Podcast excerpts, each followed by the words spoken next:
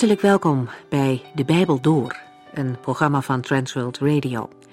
De Bijbel Door is een radioserie die u in vijf jaar meeneemt door de hele Bijbel. Van Genesis 1 tot Openbaring 22.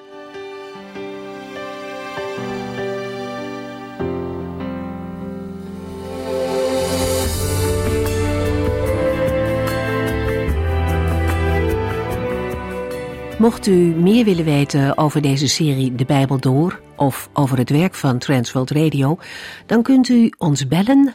Telefoonnummer is 0342 478 432 en kijkt u anders even op internet www.transworldradio.nl en daar kunt u ook, als u een uitzending gemist heeft, deze alsnog beluisteren. Dan lezen we nu verder uit het Bijbelboek Jesaja. Hoofdstuk 12, zagen we de vorige keer, is een lied dat de eerste hoofdstukken van het boek afsluit. Het is een loflied over Gods machtige bevrijding van zijn volk. De mensen hebben de weg naar de Here gelukkig teruggevonden. Het hoofdstuk is maar kort. Twee keer begint een gedeelte met de woorden: Op die dag zult u zeggen. De eerste keer volgt dan een lofzang, omdat de boosheid van de Here over hun zonde voorbij is. Er is nu ruimte voor troost en voor lofzang. Het tweede deel richt zich op het bekendmaken daarvan. Gods volk krijgt vergeving en is daar dankbaar voor, maar er is meer. Anderen moeten ook horen over deze geweldige God. Zijn boodschap van vergeving moet overal bekend worden. Op die dag zult u zeggen. Christenen mogen ook vandaag en elke dag vertellen over Gods grote genade, over zijn aanbod om gered te worden zodat iedereen het weet en het overal bekend wordt. Het is goed om lofliederen te zingen, maar het is niet het enige. Daar moet het niet bij blijven. Er is nu immers nog tijd voor mensen om zich te bekeren. Vanaf Jesaja 13 begint een volgend gedeelte waarin Gods oordeel over de volken rondom Israël wordt aangekondigd. Jezaja heeft de koning van Juda aangespoord om op de Here te vertrouwen en niet op aardse machthebbers. Hun rijken zullen Israël niet de bescherming kunnen bieden zoals de Heere dat kan. En uiteindelijk zullen deze volken te maken krijgen met Gods oordeel over hun daden. De onheilsboodschappen hebben vooral de bedoeling om Israël te wijzen op het feit dat ze hun vertrouwen op de Heere moeten blijven stellen. Jesaja 13 gaat concreet in op de ondergang van Babel, maar gaandeweg doet de beschrijving meer denken aan het laatste oordeel. De wereld zal door God gestraft worden voor haar kwaad. En op dat moment zal er geen ontkoming meer zijn. Het feit dat die dag nog op zich laat wachten, heeft alles te maken met het geduld van de Heere. Hij wacht nog elke dag op mensen die zich vrijwillig bekeren en zijn aanbod van vergeving willen aannemen. We lezen verder in Jesaja 13 vanaf vers 19.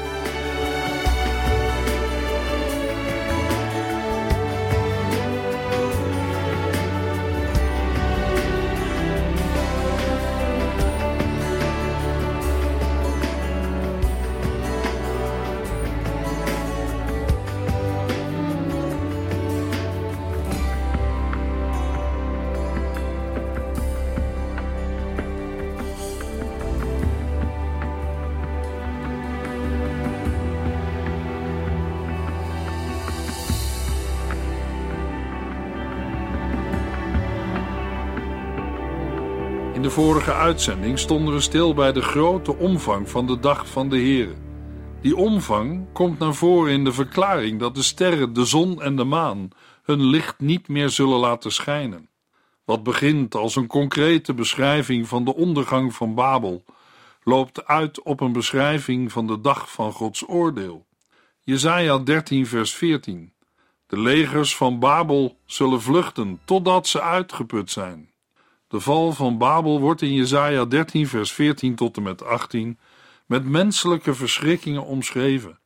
De inwoners van het koninkrijk Babylonië worden achtervolgd, dwalen rond, vluchten of worden neergestoken. Vrede en verschrikkelijke dingen overkomen hun vrouwen, jonge mensen, kinderen en baby's. Uit de wereldstad Babel vluchten de mensen als herten die achtervolgd worden door de honden van de jagers. Ook buitenlanders vluchten naar hun eigen land. De mensen zijn als schapen zonder herder. En wie niet vluchten kan of wil, wordt gedood door vijandelijke soldaten. Ze nemen Babel in en houden er op een verschrikkelijke wijze huis. In vers 17 wordt de naam van de vijand genoemd. Het zijn de Meden. De Meden woonden in het huidige Iran, ten zuidwesten van de Kaspische Zee en ten noorden van de Eufraat. Over de vroege geschiedenis is weinig bekend, maar de Assyrische koning Salmanasser III maakt melding van de Mediërs. En Sargon II overwon Samaria en deporteerde Israëlieten naar de steden van de Meden. Dit laatste gebeurde in de tijd van Hiskia en Jezaja. De Meden worden ook genoemd in Jezaja 21 en Jeremia 25 en 51. De Meden komen niet om het zilver en goud. Het gaat hun niet om buit. Hun doel is met meedogenloze wreedheid hun vijand Babel vernietigen. Zo gaat Babel met al haar pracht en praal ten onder, net zo rigoureus als Sodom en Gomorra. Jesaja 13 vers 19 Zo zal Babel, het luisterrijkste van alle koninkrijken, de bloem van de Galdeese cultuur, net zo volledig worden verwoest als Sodom en Gomorra, toen de Heere vuur uit de hemel stuurde. Jezaja onthult de naam van het koninkrijk dat wordt aangevallen, het legendarische Babel, het luisterrijkste onder de koninkrijken, de stad die de bloem van de Galdeese cultuur is. De profeet kondigt aan dat de stad een soortgelijk lot zal treffen als Sodom en Gomorra, steden die door de Heere zijn verwoest. Jesaja 13 vers 20 Babel zal voor eeuwig worden vernietigd. Generatie na generatie zal voorbijgaan, maar het land zal nooit meer worden bewoond. De nomaden zullen er zelfs geen kamp opslaan, en de herders zullen hun schapen er niet laten overnachten. Het machtige Babel zal al zijn luister kwijtraken. Jezaja geeft aan dat het land voor altijd onbewoond zal blijven en duidt daarmee op een vervloeking. Het is zelfs zo dat geen Arabier of nomade daar zijn tent meer zal opzetten, en ook herders zullen er niet overnachten. Het woord Arabier moeten we hier vooral opvatten als bewoner van het steppengebied ten oosten en zuiden van Israël.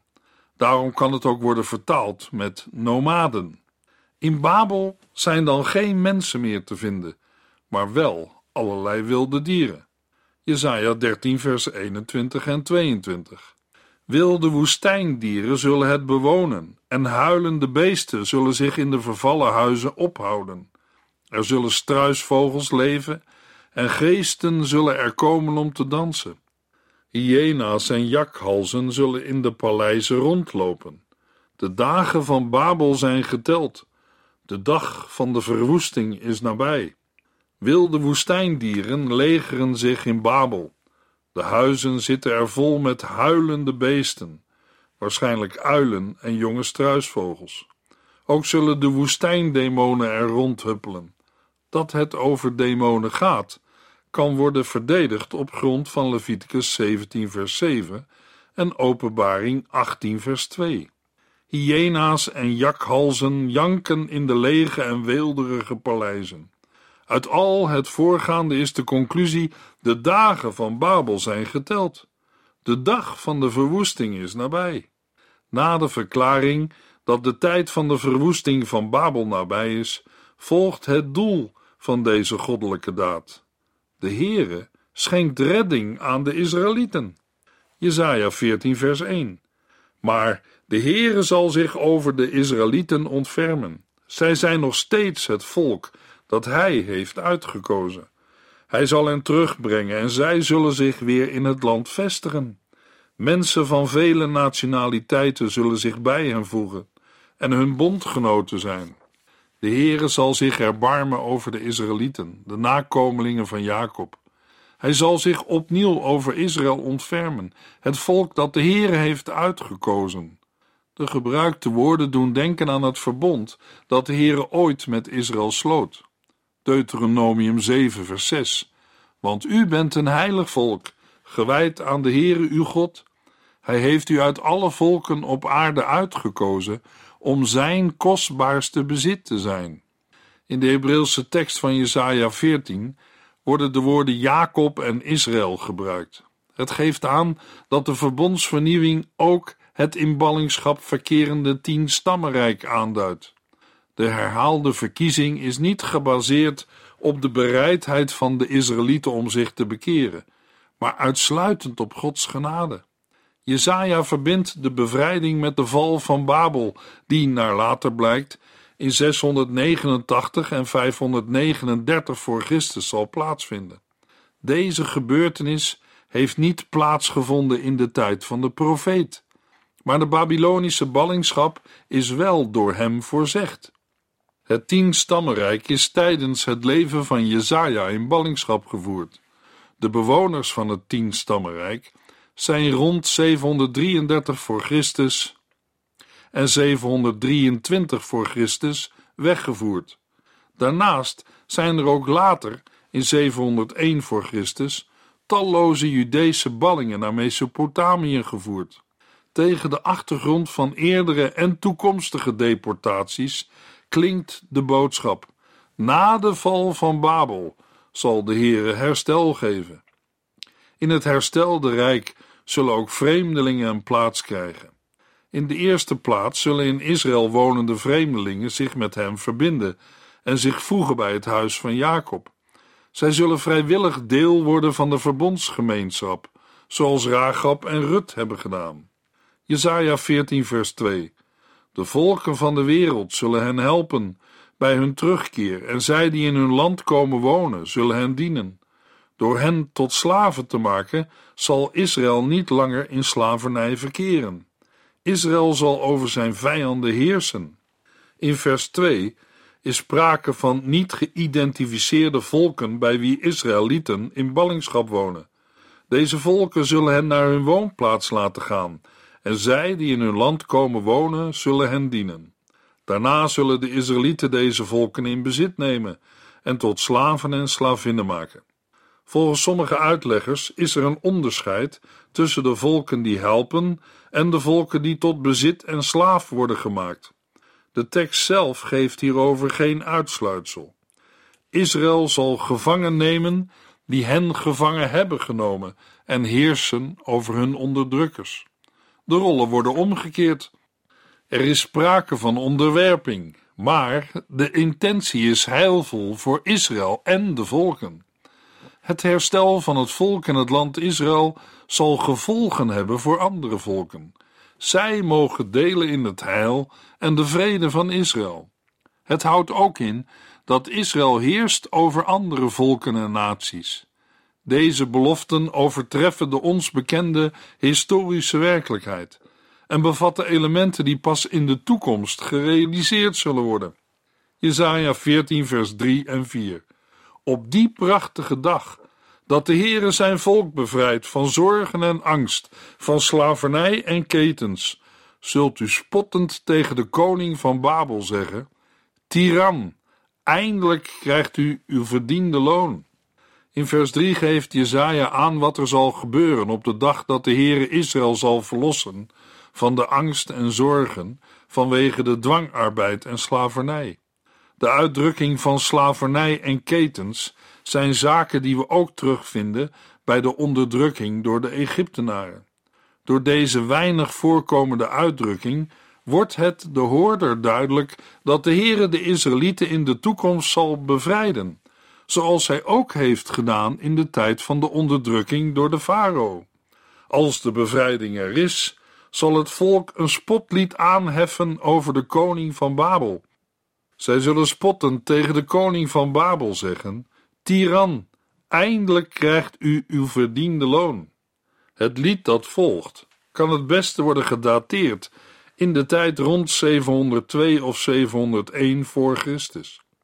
Het is de periode waarin Juda en Jeruzalem bezweken voor de verleiding om te bouwen op een bondgenootschap met de koning van Babel. Een bondgenootschap met Babel geldt als een verklaring van ongeloof in de God van Israël. Door het spotlied over de val van de koning van Babel wordt aan de Israëlieten verteld dat de Babylonische vorst niet is opgewassen tegen de Heere. En daarom moet Israël voor de Heere kiezen. Jesaja 14 vers 5 en 6 Want de Heere heeft uw verdorven macht vernietigd en uw slechte bewind te gronden gericht. U vervolgde mijn volk met uw schrikbewind en hield de volken in de greep van de angst. U ontketende een meedogenloze vervolging. Het eerste deel van het spotlied beschrijft de dood van de tyrannieke koning. Met ironie geeft Jezaja aan dat het gedaan is met de onderdrukker en dat de onderdrukking is opgehouden. De Judeërs hadden tot nu toe weinig gemerkt van de onderdrukking door de Babyloniërs. Veel meer werden ze geconfronteerd met de tirannie van Assyrië. Maar de onderdrukking door de Babyloniërs is wel aangekondigd door Jezaja. Van deze toekomstige onderdrukking zal Juda verlost worden door de dood van de koning van Babel. Jezaja omschrijft in de Hebreeuwse tekst zijn val met de woorden dat de Heere de stok van goddelozen en de scepter van heersers heeft verbroken. De Babylonische heerser wordt aangeduid als iemand die Gods volk vervolgde en andere volken onder zijn schrikbewind hield.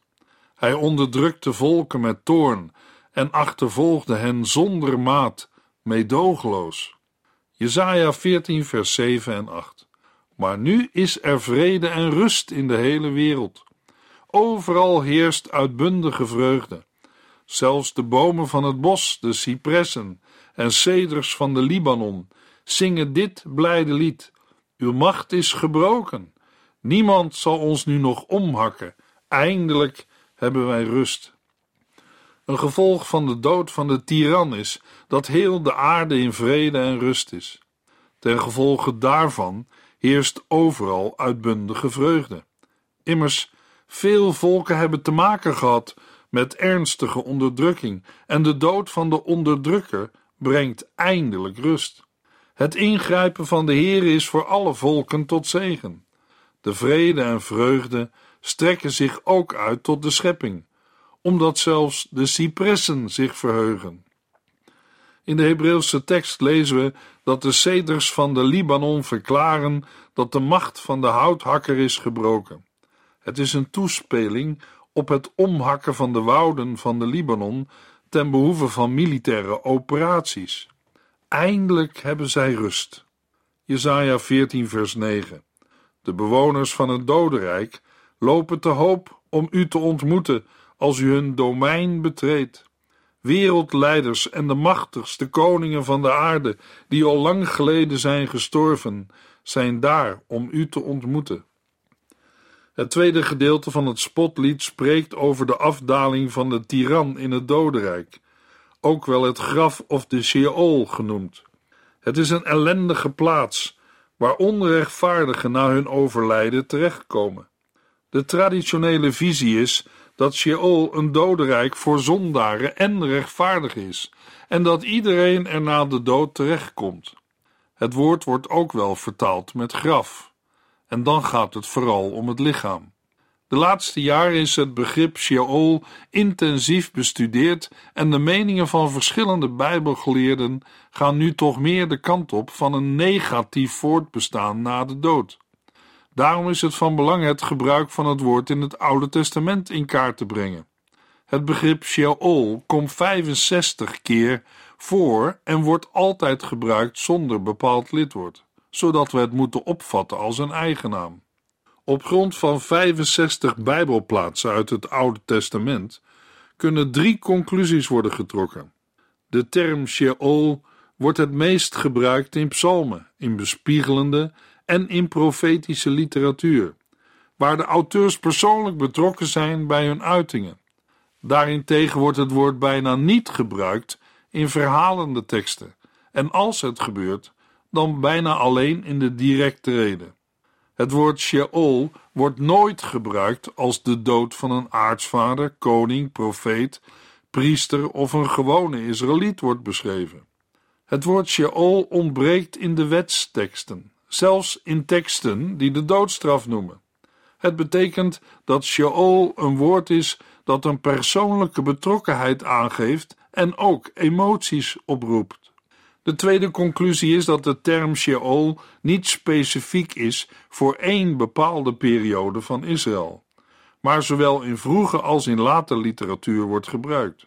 Ten derde is het opvallend dat het woord zo weinig wordt gebruikt als we letten op de omvang van het Oude Testament en de vele verwijzingen naar de dood die erin staan. Het werkwoord sterven komt duizend keer voor, maar er zijn maar een honderdtal verwijzingen naar iets wat de onderwereld aanduidt, en dat gebeurt 65 keer met het woord Sheol. Dit kleine aantal is opmerkelijk in vergelijking met de uitgebreide voorstellingen bij de buurvolken van Israël. De onderwereld, het dodenrijk, staat niet centraal in het geloof van Israël. De Heere is vooral de God van de levenden. Sheol is een plaats die wordt gekenmerkt door scheiding van de Heere. De bewoners van het dodenrijk zullen zich daar de Heere niet herinneren, prijzen of danken. Het is een land van de vergetelheid, met doden aan wie God niet meer denkt. De Sheol of dodenrijk is daarmee een passende plaats voor de goddelozen, maar ook een plaats die gevreesd wordt door de rechtvaardigen. Toch kent de Heere het dodenrijk wel en is deze ook toegankelijk voor hem. Maar een verblijf in het dodenrijk betekent niet dat de bewoners van het dodenrijk aan de Heere kunnen ontsnappen. Sheol, het dodenrijk, ligt open voor hem en beperkt Gods macht niet. Maar Gods macht over het dodenrijk betekent niet dat overleden mensen in het dodenrijk hem daar kunnen naderen. Sheol of het dodenrijk is een plaats van waaruit geen terugkeer mogelijk is. Een gevangenis met poorten en grendels. Banden of koorden van het dodenrijk suggereren een vorm van gevangenschap. Het bestaan van het dodenrijk wordt alleen sumier aangegeven.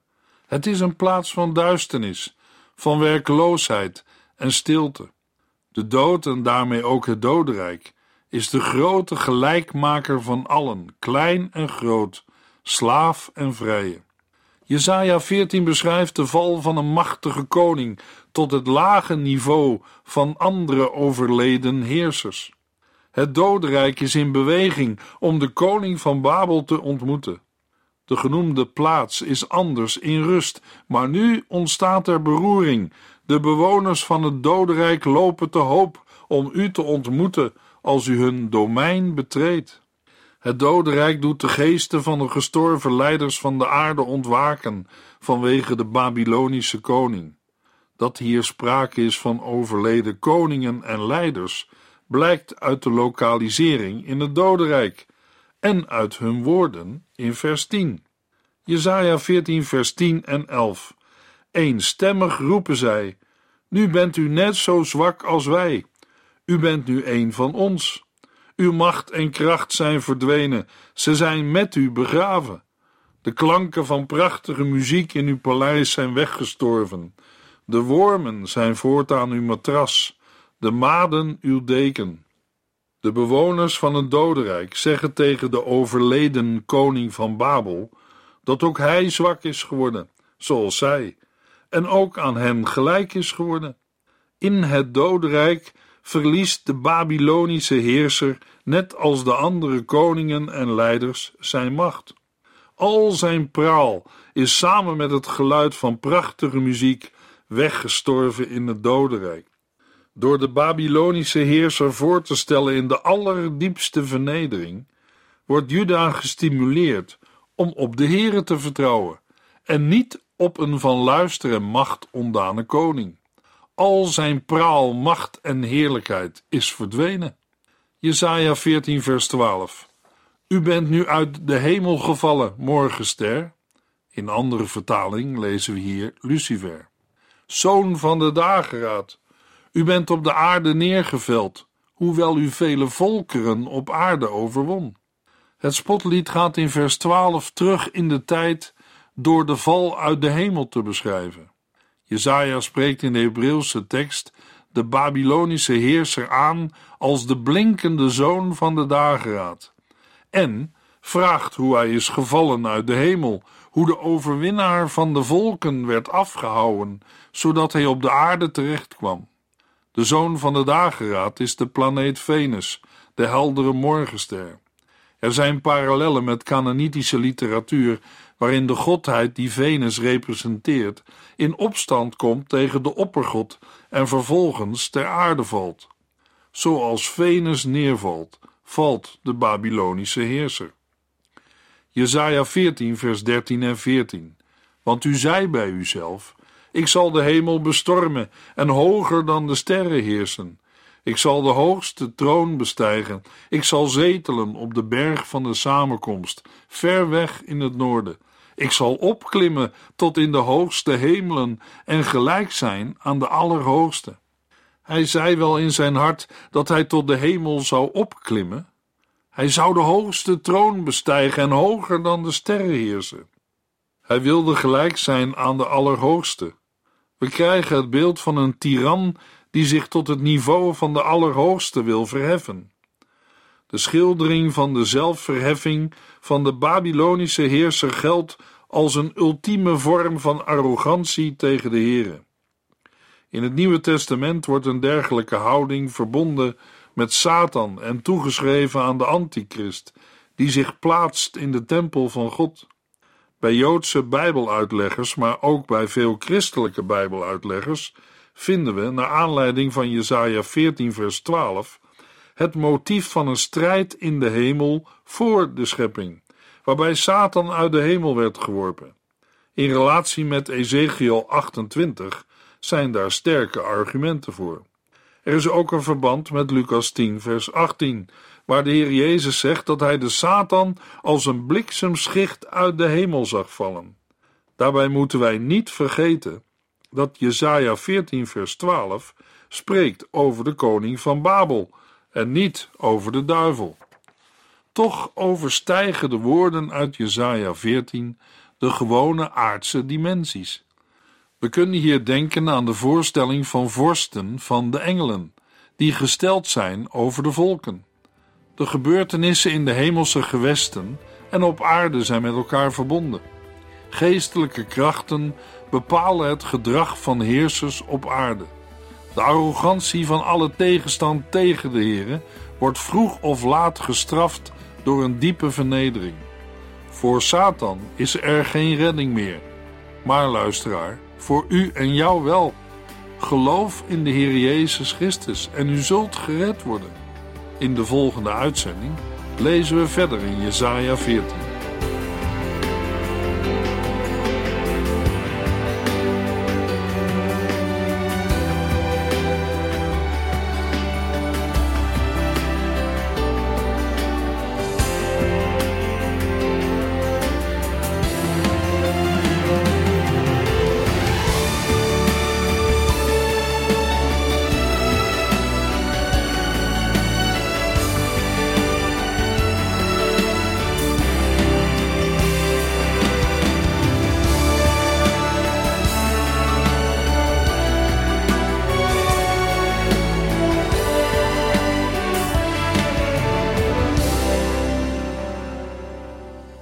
Geluisterd naar De Bijbel Door. In het Nederlands vertaald en bewerkt door Transworld Radio. Een programma waarin we in vijf jaar tijd de hele Bijbel doorgaan. Als u wilt reageren op deze uitzending of u heeft vragen, dan kunt u contact met ons opnemen. Tijdens kantooruren kunt u bellen op 0342 47 8432. 0342 47 8432. 32.